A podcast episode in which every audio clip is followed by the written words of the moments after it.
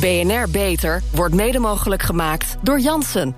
Waar we werken aan een toekomst waarin ziektes tot het verleden behoren. BNR Nieuwsradio. Beter. Harmke Pijpers. Welkom bij BNR Beter, het programma voor mensen die werken aan gezondheid. Sommige mensen lopen altijd maar te snuiven en te snotteren. Ze hebben weinig weerstand en ze zijn chronisch verkouden, zo lijkt het. Maar het kan ook heel goed zijn dat ze een chronische immunologische aandoening hebben. Kortom, dat ze allergisch zijn voor iets. Maar vaak weten ze het niet. En de dokter die weet het ook niet. Welkom bij BNR Beter. Mijn gast vandaag is Hanneke Oude-Elbrink, allergoloog verbonden aan het UMC Groningen. Welkom. Ja, dankjewel. Allergie is een groot probleem en steeds meer mensen krijgen er last van. Eén op de vijf mensen heeft een allergie, begrijp ik. Dat is echt enorm veel, hè? Ja, dat klopt. 20% van de bevolking is inderdaad in meer of mindere mate allergisch. Het grootste deel is natuurlijk milde klachten. En een deel daarvan heeft het zelf niet in de gaten. Maar een, uh, een top van de ijsberg, die hebben daar behoorlijk veel last van. Ja, de een krijgt galbulten, de ander een loopneus. Waar hebben we het nou over? Want hoeveel allergieën zijn er? Hebben we het dan over aantallen allergieën of soorten? Nou, soorten, aantallen, ja. Uh, als je kijkt uh, in de bevolking, dan heeft zo'n 20% heeft hooikoortsachtige klachten. En dan mm -hmm. hoeft niet stuifmeel altijd de oorzaak te zijn, maar dat kan ook een kattenallergie, een huisstofmijtallergie of een allergie voor schimmels zijn. Zo'n 10% van de bevolking heeft astma. Bij 25% van de bevolking is op enig moment sprake van galbulten. En vaak zijn die niet veroorzaakt door echt stoffen van buitenaf, maar gevolg van bijvoorbeeld een virusinfectie, waarbij het lichaam een versterkte immuunrespons heeft. Mm. Als je kijkt naar voedselallergieën, neemt helaas ook toe. Dan is in Nederland ongeveer 3% van de bevolking inmiddels behept met een echte voedselallergie. En dan niet, bedoel ik niet een allergie tussen de oren, maar een echte voedselallergie. Ja, toch als ik een beetje in mijn uh, omgeving rondvraag, dan heb ik niet het idee dat uh, er zoveel mensen lopen te krabben en te proesten. Ja, in het pollenseizoen dan wel. Maar waarom horen we hier zo weinig over? Ja, misschien is dat iets wat ik aan u moet vragen, dat weet ik niet. Nou ja, ik doe mijn best vandaag, maar vertel. nou, veel mensen hebben ook niet in de gaten dat ze uh, allergisch zijn, uh, merken we. Uh, zijn chronisch moe. Mm -hmm. En het lichaam is, is ingesteld op een acute overgang. Dus het pollenseizoen, waarin je echt grote verschillen ziet, afhankelijk van de dag, onder invloed van regen en mooi weer, dat merk je. Dan ga je acuut proesten en niezen. Dat noemen we de acute klachten. Ja. Maar er is ook een chronische uh, klacht als gevolg van de chronische ontsteking. En dat is meer dat je uh, continu moe bent, mm -hmm. of een dichte neus hebt, of continu benauwd. En daar wen je op een gegeven moment aan, als het ware. Ja. Tenzij je dat gaat behandelen en dan merk je wel dat het duidelijk beter kan. Ja, maar, maar dan moet feit... je eerst op het idee komen dat er misschien iets behandeld moet worden. Maar hoe, hoe weet je, of kun je vermoeden dat het nou om een allergie gaat?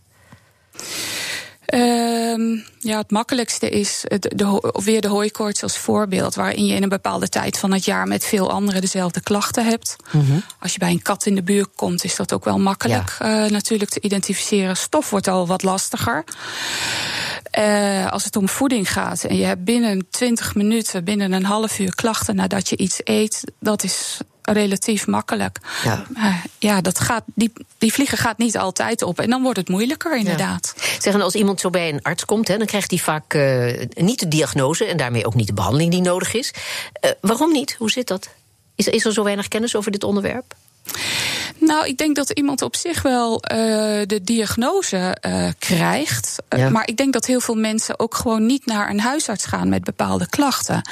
Waardoor dan het niet altijd even goed uh, duidelijk is dat ze die klachten hebben.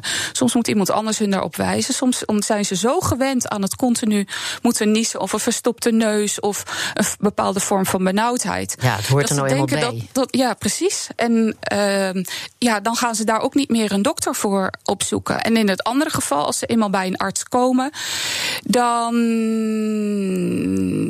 ja, dan, dan, dan wordt het misschien vrij kort benoemd, waardoor het voor mensen niet altijd duidelijk is wat dat betekent. Er wordt vrij snel dan op zich de goede medicatie voorgeschreven. Mm -hmm. Maar als mensen niet snappen waarvoor ze die moeten gebruiken, hoe ze die moeten gebruiken, dan gebruiken ze die eventjes. En dan hebben ze de indruk dat het of het niet werkt Of het gaat regenen en dan zijn de klachten over en dan vergeten ze het Ah, ja. daarna weer. Dus er komt wel een heel stuk ook kennis bij kijken, waarbij je mensen ook moet onderwijzen Ja. wat er precies aan de hand is. Maar vaak, eh, heb ik begrepen, komt iemand met allergische klachten bij een longarts of een huidarts, een dermatoloog terecht. Hè, maar dat is natuurlijk geen allergoloog. Nee, dan hebben we het over de specialist inderdaad. Ja. Eh, maar nogmaals, een groot deel van de mensen kan natuurlijk prima toe bij de huisarts. Ja. Als ze verwezen worden, ja, dan kan dat afhankelijk van de klachten, kan dat naar een orgaanspecialist eh, Mhm. zijn. Eh, niet in alle ziekenhuizen zitten alleen allergologen, eh, dus dat kan een reden zijn. En eh, de kracht van een orgaanspecialist is dat hij heel veel weet van de huid als het eczeem betreft. Ja. Maar dat lang niet altijd wordt gekeken of die desbetreffende persoon ook een onderliggend astma heeft of ook last van de neus heeft. Ja, maar goed, je moet dus bij een allergo, eh, allergoloog eh, terechtkomen. Wordt dat vak eigenlijk wel voldoende serieus genomen? Wat is uw ervaring? Vertel. Ja, misschien moet ik dat dan nu vragen, dat weet ik niet. Ik denk dat het heel serieus wordt genomen. Eh, maar niet ieder ziekenhuis heeft een allergoloog. En dat heeft. eh, ja, dat kan te maken hebben met prioriteiten die ziekenhuizen Ah, ja. stellen. En, en, en u bent, bent in uw eh, carrière klakkeloos, zeg maar, zonder problemen bij het ziekenhuis aangesteld? Of Ja, hoe daar ging hebben we het dat? van tevoren al over gehad. Hè? Eh, toen ik klaar was met de opleiding, was het voor mij niet makkelijk om een plek te vinden. Dat klopt. En ik heb op, eh, op twee plekken gesolliciteerd, waarbij ik op de ene plek ben uitgewisseld tegen een MRI-apparaat. en op een andere plek hebben ze besloten om liever een orthopeet aan te stellen in plaats van een allergoloog. Ja. Dus de, de, de, de financiering die er soms is voor dit vak. Is, ehm, daar moet wel eens hard over gebetteld Want worden. het probleem wordt eigenlijk onderschat. Komt het daarop neer? Of is dat iets te simpel? Ehm, nou, ik denk dat de zorg beter kan. Eh, en, dat, dat, eh, en, en dat opzicht dat het voor de zorgverzekeraars misschien rendabeler is om geen allergoloog aan te stellen. Omdat ze denken dat dat uiteindelijk goedkoper is dan er wel eentje aan te stellen. Want dan heb je weer een poort erbij. Dat zou, als je Ja. in de negatieve zin daarnaar kijkt. Een verklaring kunnen zijn, maar dat is natuurlijk voor mij ook moeilijk te beoordelen. Ja, maar ja, er zijn dus te weinig allergologen. Dus eh, als je dan verwezen wordt naar een allergoloog, als je dat grote geluk treft, dan eh, kom je op een wachtlijst te staan. Maar goed, mensen gaan zelden dood aan allergie, maar het heeft wel een enorme impact op hun leven, begrijp ik, hè? Vertel. Ja, de kwaliteit van leven, die wordt enorm beïnvloed. Gelukkig gaan mensen er zelden aan dood. Bij een insectenallergie en bij een pinda- en notenallergie wil dat nog wel eens het geval zijn. Maar in alle andere gevallen is dat bijna nooit het geval. Astma is ook een aandoening die in Nederland zo goed behandeld wordt dat daar gelukkig, in tegenstelling tot vroeger, zelden meer mensen aan, eh, aan dood gaan. De chronische ontsteking heeft een enorme impact op hoe je kunt functioneren. Dus eh, je slaapt er slechter door. Je kunt minder goed door je neus ademen. Je wordt er moe van. En eh, dat hindert mensen in hun werk. Ja. En eh, bij het eh, proefwerken, tentamens doen. Mensen zijn daar met hun hoofd gewoon niet goed bij. En dat is natuurlijk ook wat ik nou, dagelijks zie. Dat als je mensen goed uitlegt wat er aan de hand is. en uitleg geeft dat je daar met medicatie vaak heel veel aan kan doen. dan Ja. zie je mensen zien door ogen opknappen. Ja, één op de vijf mensen, heb ik begrepen, loopt met dit soort klachten rond. Hè. Dan, dan zou je dus denken dat er flink wat potjes zijn waaruit eh, uw beroepsgroep eh, geld krijgt om onderzoek te doen. Is dat ook zo? Of is het ook wel Ehm. in dat opzicht, zeg maar, dit een beetje ondergewaardeerd vak? Nou, het is geen aandoening waar mensen voor gaan zwemmen of op de fiets klimmen. Ehm, en eh, het is onvoldoende. In dat opzicht is het een vrij diffuus vak, waardoor het, het, het, de, de, zeg maar de standaard potjes als ZonMW of, Ja, ja. of de, vanuit de patiëntenorganisatie, eh, dat zijn niet de, de potjes waar het makkelijk toegankelijk, of ja, waar je moeilijk geld uit krijgt. zeg Maar als ik, als ik u zo hoor, het verhaal en het ongemak waar mensen last van hebben, dan, eh, dan denk ik dat er dus behoorlijk wat ziekteuitval is. Of in ieder geval eh, onderpresteren. En dat is dan toch een kostbare gelegenheid. Werkuitval, alle reden om er wel aandacht en geld aan te besteden, toch? Ja, dat ben ik helemaal met u eens. Tja. Ja, jaren terug was het gebruikelijk dat als je met het vermoeden van een allergie naar een dokter ging, dan kreeg je allerlei krasjes op je huid. Hè? Met bepaalde stoffen, met al dan niet een allergische reactie tot gevolg. Gaat dat nog steeds zo? Dat is een onderdeel van de diagnostiek, inderdaad. Want mhm. als je ergens allergisch voor bent, dan in ieder geval bij een bepaalde aandoening willen we weten of er stoffen van buitenaf zijn. Want het hoeft niet altijd. Hè? Niet bij iedere klacht is het zo dat ook stoffen van buitenaf van invloed zijn. Dat is voor mensen wel eens niet goed te bevatten. Ik heb toch klachten die allergisch lijken, dan, dan moet er toch een oorzaak van buitenaf zijn. Het kan ook van binnenuit komen, dus dat leggen we in die gevallen goed uit. Maar we sluiten dan wel uit dat het niet van buitenaf komt. En wat we dan doen, is dat we extracten hebben van bijvoorbeeld stuifmeel of huisstofmijt of kat. Die leg je op de huid en daar prik je doorheen. En dat noemen we een huidpriktest. Ja. Dus dat kun je doen. Daarnaast kun je in het bloed kijken. Het lichaam maakt een soort van antennetjes, IgE. En je kan dus ook in het bloed die antennetjes opsporen tegen een bepaalde uh, stof. En daarnaast kunnen we nog met behulp van provocatieonderzoek datgene aan de persoon toedienen waar die allergisch voor is. Bijvoorbeeld iemand die allergisch is voor pinda, om te kijken of hij nou echt daadwerkelijk daar klachten van heeft. Of met een insect iemand daadwerkelijk steken om te kijken of die daar echt op reageert. Ja, en, en zijn die uh, methoden zijn die effectief? Wordt de allergie er altijd mee opgespoord? Ik heb begrepen dat het toch ook vaak een, een grote puzzel is. Hè? Nou, het is een puzzel in die gevallen waarbij. Uh, voor mensen is dat vaak een grotere puzzel nog voor, dan voor ons als artsen. Mhm. Omdat mensen heel sterk het idee hebben dat in een aantal gevallen hun klachten echt moeten komen door factoren van buitenaf. Ja, ja. Dus de puzzel zit hem dan meer in het mensen inzicht geven in het feit dat het niet een bepaald voedingsmiddel is waar ze overgevoelig voor zijn, maar dat het in de klachten zelf van de darmen zit. En dat voeding op het moment dat ze dat eten wel klachten kan geven, maar dat dat niet een specifieke allergie is mhm. die dat veroorzaakt. Dat kan. En het kan ook wel een specifieke allergie zijn, maar dat zit in onze expertise om dat met het verhaal op te sporen. Dus het, de, de anamnese, zoals wij die dat noemen, het verhaal van de patiënt. Ja dat is voor ons ons allerbelangrijkste instrument. En al het onderzoek is slechts ondersteuning. Ja. Zeg, en uh, welke mogelijkheden zijn er om een allergie te behandelen? Ik, ik denk aan immunologie, uh, biologicals, maar dat moet u even uitleggen. Ja, nou, biologicals, uh, dat zal ik zo even opkomen. Ik wou graag eerst even naar de basis. Als je kijkt bij een nou, allergie, ja.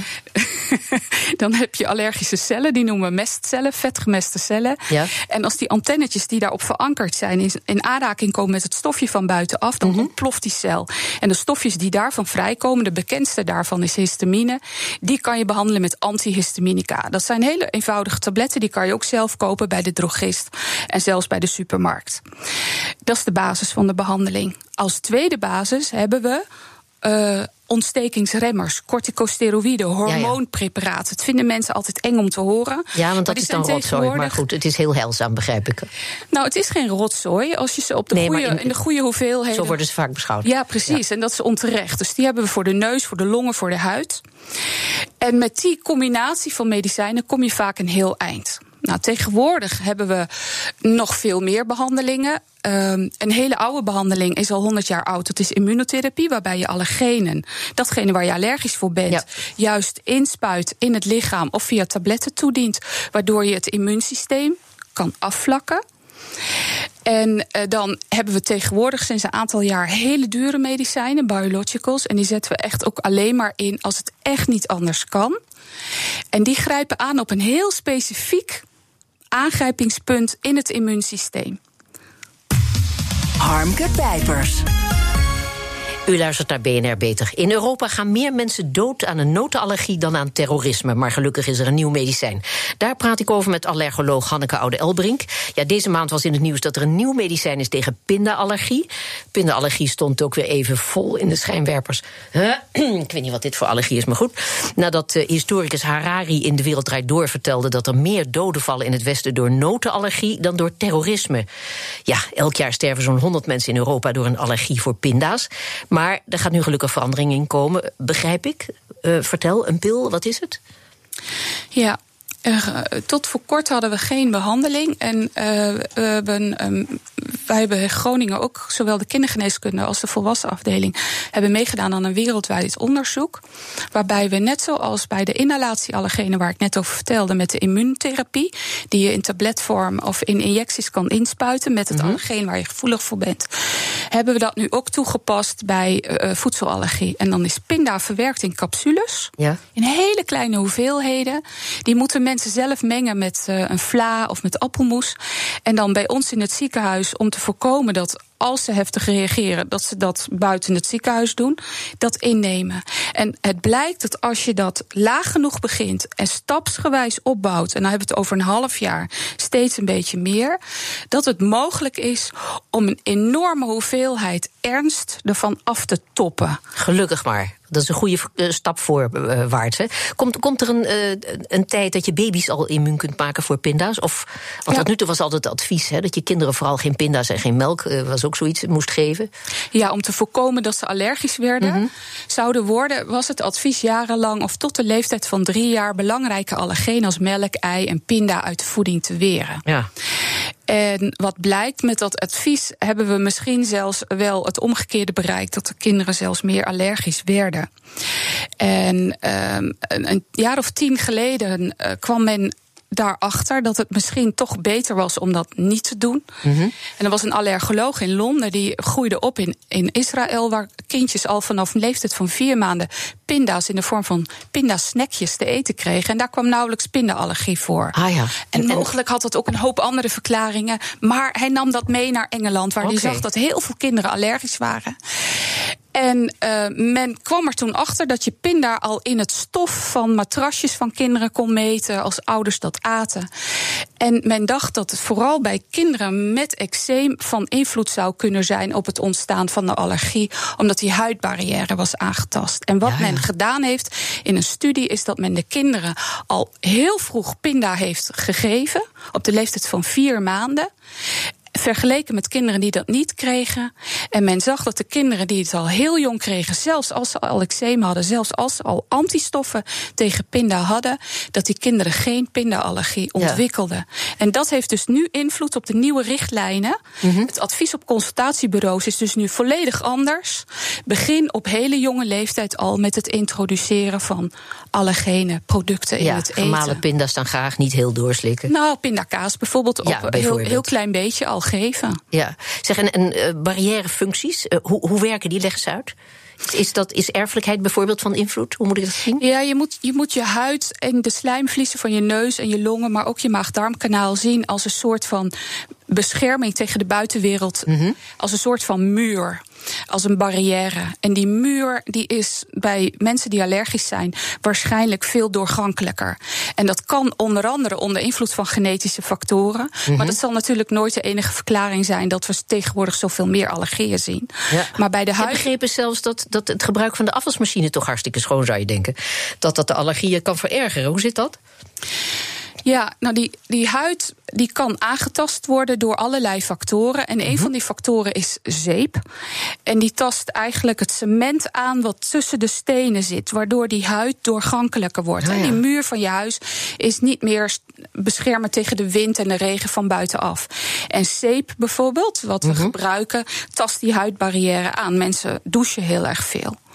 En het helpt waarschijnlijk niet om die huid goed intact te houden. Ja, ja. De was, afwasmachine werken we tegenwoordig met relatief weinig water om zuinig te zijn. Dus die zeep In combinatie met hele sterke detergentia, hele sterke ja. zeep. En waarschijnlijk blijven die, die resten die blijven achter op ons vaat, uh, op glazen, op borden. Mm -hmm. En dat is een theorie dat dat misschien van invloed is op je darmbarrière, waardoor we steeds meer darmklachten hebben met z'n en, en moet ik dan denken aan zo'n term als leaking gut? Dat je een, een, een, lekkende darm hebt? Ja, en dan niet van binnenuit van mm -hmm. naar buiten, maar van buiten naar binnen. Dat die verhoogd doorgankelijk is, waardoor stoffen die normaal gesproken niet door die barrière heen komen, daar nu wel doorheen komen. En dan stuiten op een immuunsysteem wat het herkent als lichaamsvreemd en zich daar dus tegen te weerstelt. Ja, god, wat moeten we nou weer doen met de afwas? Maar goed, hooikoorts nog even. De alle, allerbekendste allergie, hè? Altijd een paar maanden per jaar afzien, maar ja, nu het hele jaar door, hè? Met, dat, die, met die klimaatverandering. Dat is toch geen doen? Wat, wat, heeft u nog aanbevelingen, heel praktische aanbevelingen voor hooikoortspatiënten? Uh, in welk opzicht? Nou, ik denk aan bijvoorbeeld bepaald niet populaire neusspoeling. Ja. Nou, uh, ja, ik ken iemand in mijn omgeving die heeft grote verachting voor het neti-potje. Dat is een soort. Ja, ja, daar hadden we het soort, over, inderdaad. Een soort urinaaltje, maar dat steek je dan in je neus en dan moet je op een bepaald. En nou ja, dan komt het andere neusgat weer uit. Maar, het helpt, hè? Spoelen van je neus. Ja, het wordt nu echt standaard. Het staat in de richtlijnen, standaardbehandeling. We noemen dat met een meer fancy naam nu de rhinohoorn. De rhinohoorn. Ja, hoe oh, meer je. De, hoe meer ik vind je neti-pot veel erger, dus dat blijft koud. Goed. hoe meer je uit je neus spoelt, ja? hoe minder er binnen kan komen. Dus het is een prachtig heel mooi hulpmiddel, niet medicamenteus. Ja. Wat in ieder geval klachten al een beetje kan je verminderen. doet het zelf ook altijd? Nee, ik doe het zelf niet. Ik heb het niet nodig gelukkig. Heeft u een geen allergie een andere allergie. Ik heb het een beetje. Mijn redacteur loopt ook altijd te snotteren en te snuiven. Ja, is met neusbrezing weer. En u heeft haar bezworen dat ze het geen verkoudheidje mag noemen, maar een chronische immunologische aandoening. Dat is uw pleidooi. We moeten het veel, veel serieuzer nemen. Nou ja, verkoudheidje is iets, dat is, dat is een virus, dat is een griep waar iedereen wel eens last van heeft. Um, maar daar hebben we of hele dure medicijnen voor, ja. of geen. En dan kan je nog beter hooikoorts hebben. En dan dat neti-potje. Of vaseline in je neus, hè? Toch? Ja, je kunt ook een wasknijper op je neus zetten. Ja. Staat zo leuk. Oké, okay, laten we het serieus nemen. En uh, we zijn geïnteresseerd in de ontwikkeling in uw vak. En ik wens u heel veel succes. En hartelijk dank voor uw komst, Hanneke Oude-Elbrink. Graag gedaan. Zorgvernieuwers. Onze zorgredactie speurt naar interessante medische innovaties binnen en buiten de muren van de universiteiten. Waar werken ze aan? Wat moeten wij hierover weten? Vliegangst. Ja, veel mensen hebben er last van. Sommigen zelfs zo erg dat ze volledig in paniek raken. Alleen al bij de gedachte in een vliegtuig te moeten stappen. En voor deze mensen is er nu een speciale app, Zerofobia, ontwikkeld door medewerkers van uh, de VU in Amsterdam. Projectleider is Tara Donker. Mensen met vliegangst zijn bang dat het toestel neerstort. Maar als je naar de cijfers kijkt, is die kans heel klein.